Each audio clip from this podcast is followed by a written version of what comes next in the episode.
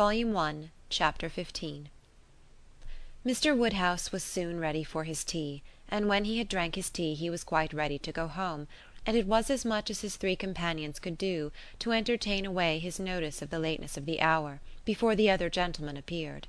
Mr. Weston was chatty and convivial, and no friend to early separations of any sort; but at last the drawing room party did receive an augmentation. Mr. Elton, in very good spirits, was one of the first to walk in. Mrs. Weston and Emma were sitting together on a sofa; he joined them immediately, and, with scarcely an invitation, seated himself between them. Emma, in good spirits too, from the amusement afforded her mind by the expectation of Mr. Frank Churchill, was willing to forget his late improprieties, and be as well satisfied with him as before and on his making Harriet his first subject was ready to listen with most friendly smiles. He professed himself extremely anxious about her fair friend, her fair lovely amiable friend. Did she know, had she heard anything about her since their being at Randalls, he felt much anxiety; he must confess that the nature of her complaint alarmed him considerably. And in this style he talked on for some time very properly not much attending to any answer, but altogether sufficiently awake to the terror of a bad sore throat, and Emma was quite in charity with him. But at last there seemed a perverse turn. It seemed all at once as if he were more afraid of its being a bad sore throat on her account than on Harriet's; more anxious that she should escape the infection than that there should be no infection in the complaint.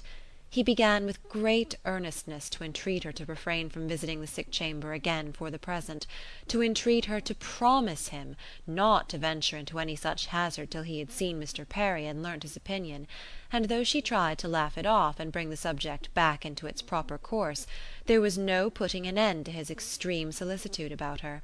She was vexed.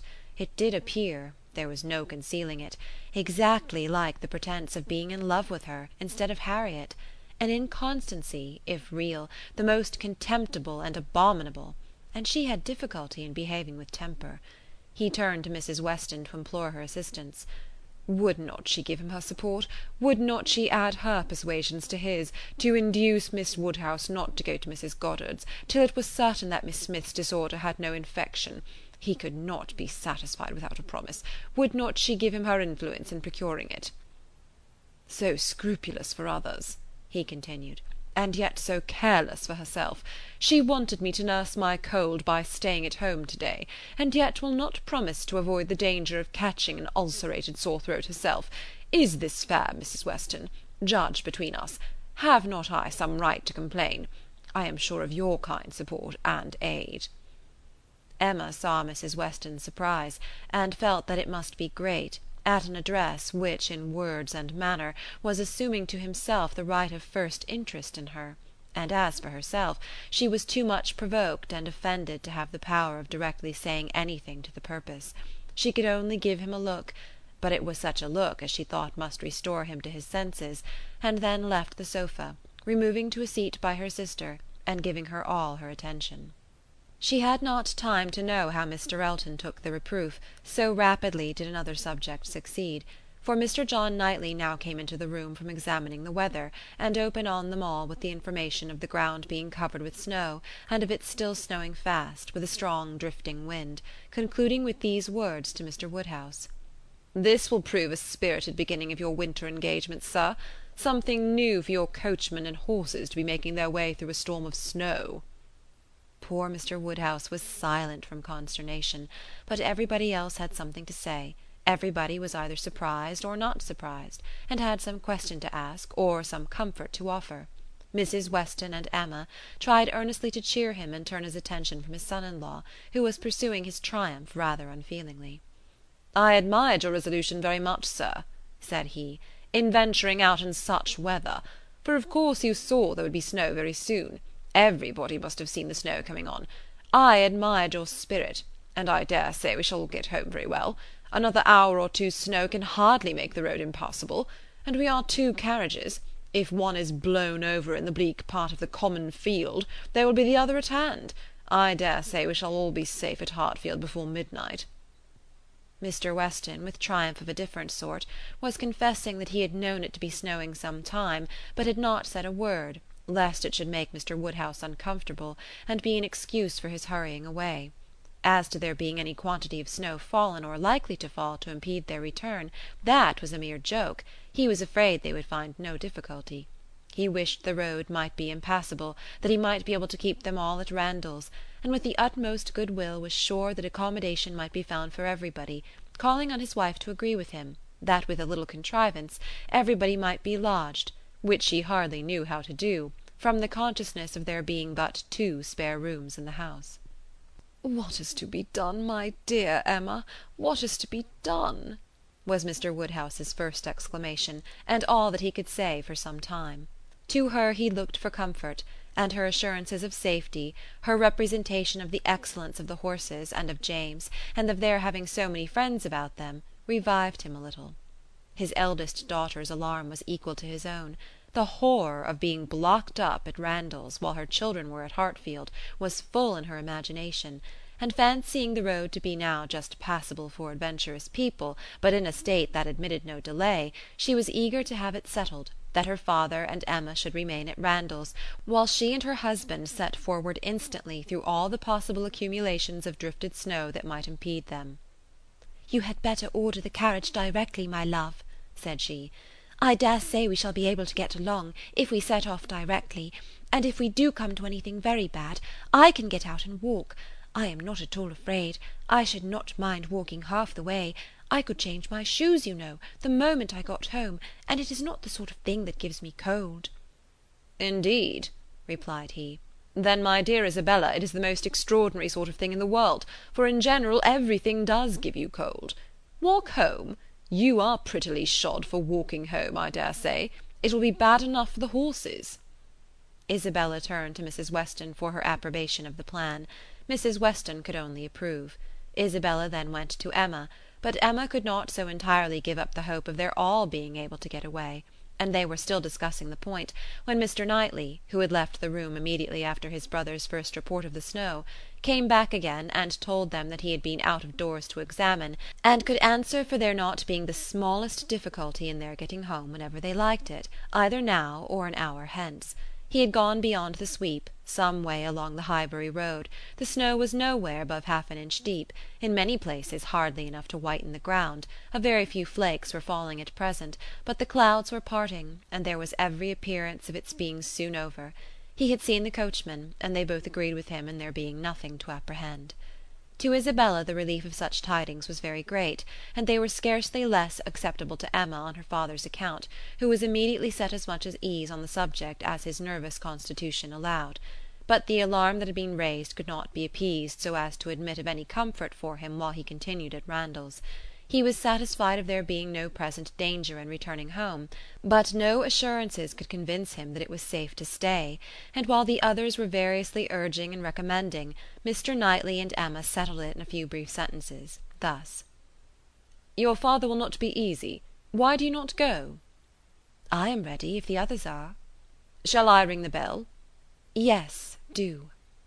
And the bell was rung, and the carriages spoken for. A few minutes more, and Emma hoped to see one troublesome companion deposited in his own house, to get sober and cool, and the other recover his temper and happiness when this visit of hardship were over. The carriage came, and Mr. Woodhouse, always the first object on such occasions, was carefully attended to his own by Mr. Knightley and Mr. Weston; but not all that either could say could prevent some renewal of alarm at the sight of the snow which had actually fallen, and the discovery of a much darker night than he had been prepared for. He was afraid they should have a very bad drive; he was afraid poor Isabella would not like it; and there would be poor Emma in the carriage behind. He did not know what they had best do. They must keep as much together as they could. And James was talked to and given a charge to go very slow and wait for the other carriage. Isabella stepped in after her father. John Knightley, forgetting that he did not belong to their party, stepped in after his wife very naturally; so that Emma found, on being escorted and followed into the second carriage by Mr. Elton, that the door was to be lawfully shut on them and that they were to have a tete a tete drive. It would not have been the awkwardness of a moment; it would have been rather a pleasure, previous to the suspicion of this very day, she could have talked to him of Harriet, and the three quarters of a mile would have seemed but one. But now she would rather it had not happened. She believed he had been drinking too much of Mr. Weston's good wine, and felt sure that he would want to be talking nonsense. To restrain him as much as might be, by her own manners, she was immediately preparing to speak with exquisite calmness and gravity of the weather and the night; but scarcely had she begun Scarcely had they passed the sweep gate and joined the other carriage than she found her subject cut up, her hand seized, her attention demanded, and Mr. Elton actually making violent love to her availing himself of the precious opportunity, declaring sentiments which must be already well known, hoping, fearing, adoring, ready to die if she refused him, but flattering himself that his ardent attachment and unequalled love and unexampled passion could not fail of having some effect; and in short, very much resolved on being seriously accepted as soon as possible. It really was so without scruple, without apology, without much apparent diffidence, Mr. Elton, the lover of Harriet, was professing himself her lover. She tried to stop him, but vainly. He would go on, and say it all. Angry as she was, the thought of the moment made her resolve to restrain herself when she did speak. She felt that half this folly must be drunkenness, and therefore could hope it might only belong to the passing hour. Accordingly, with a mixture of the serious and the playful, which she hoped would best suit his half and half state, she replied: "I am very much astonished, Mr. Elton. This to me! You forget yourself. You take me for my friend. Any message to Miss Smith I shall be happy to deliver; but no more of this to me, if you please." Miss Smith! Message to Miss Smith! What could she possibly mean? And he repeated her words with such assurance of accent, such boastful pretence of amazement, that she could not help replying with quickness: "Mr. Elton, this is the most extraordinary conduct! and I can account for it only in one way. You are not yourself; or you could not speak either to me, or of Harriet, in such a manner. Command yourself enough to say no more, and I will endeavour to forget it." But Mr. Elton had only drunk wine enough to elevate his spirits, not at all to confuse his intellects. He perfectly knew his own meaning, and having warmly protested against her suspicion as most injurious, and slightly touched upon his respect for Miss Smith as her friend, but acknowledging his wonder that Miss Smith should be mentioned at all, he resumed the subject of his own passion, and was very urgent for a favourable answer. As she thought less of his inebriety, she thought more of his inconstancy and presumption and with fewer struggles for politeness replied: "It is impossible for me to doubt any longer. You have made yourself too clear. Mr. Elton, my astonishment is much beyond anything I can express. After such behaviour as I have witnessed during the last month to Miss Smith, such attentions as I have been in the daily habit of observing, to be addressing me in this manner, this is an unsteadiness of character indeed, which I had not supposed possible. Believe me, Sir, I am far, very far from gratified in being the object of such professions." "Good heaven!" cried Mr. Elton, "what can be the meaning of this? Miss Smith!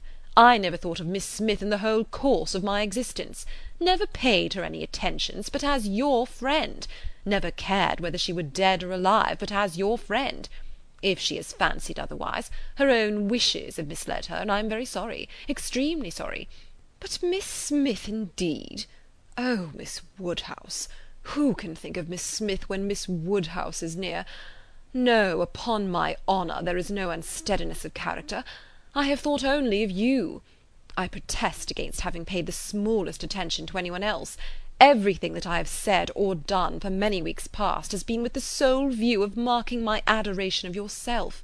You cannot really seriously doubt it. No in an accent meant to be insinuating. "I am sure you have seen and understood me." It would be impossible to say what Emma felt on hearing this, which of all her unpleasant sensations was uppermost. She was too completely overpowered to be immediately able to reply, and two moments of silence being ample encouragement for Mr. Elton's sanguine state of mind, he tried to take her hand again, as he joyously exclaimed: "Charming Miss Woodhouse! Allow me to interpret this interesting silence. It confesses that you have long understood me." "No, Sir," cried Emma, "it confesses no such thing. So far from having long understood you, I have been in a most complete error with respect to your views till this moment. As to myself, I am very sorry that you should have been giving way to any feelings. Nothing could be farther from my wishes. Your attachment to my friend Harriet, your pursuit of her pursuit, it appeared, gave me great pleasure, and I have been very earnestly wishing you success. But had I supposed that she were not your attraction to Hartfield, I should certainly have thought you judged ill in making your visits so frequent. Am I to believe that you have never sought to recommend yourself particularly to Miss Smith, that you have never thought seriously of her?" "Never, madam," cried he, affronted in his turn, "never, I assure you, I think seriously of Miss Smith. Miss Smith is a very good sort of girl, and I should be happy to see her respectably settled. I wish her extremely well, and no doubt there are men who might not object to everybody has their level; but as for myself, I am not, I think, quite so much at a loss. I need not so totally despair of an equal alliance as to be addressing myself to Miss Smith. No, madam, my visits to Hartfield have been for yourself only, and the encouragement I received encouragement! I give you encouragement! Sir, you have been entirely mistaken in supposing it. I have seen you only as the admirer of my friend. In no other light could you have been more to me than a common acquaintance. I am exceedingly sorry, but it is well that the mistake ends where it does. Had the same behaviour continued, Miss Smith might have been led into a misconception of your views. Not being aware, probably, any more than myself, of the very great inequality which you are so sensible of but as it is, the disappointment is single, and I trust will not be lasting. I have no thoughts of matrimony at present." He was too angry to say another word, her manner too decided to invite supplication, and in this state of swelling resentment and mutually deep mortification they had to continue together a few minutes longer for the fears of Mr. Woodhouse had confined them to a foot pace.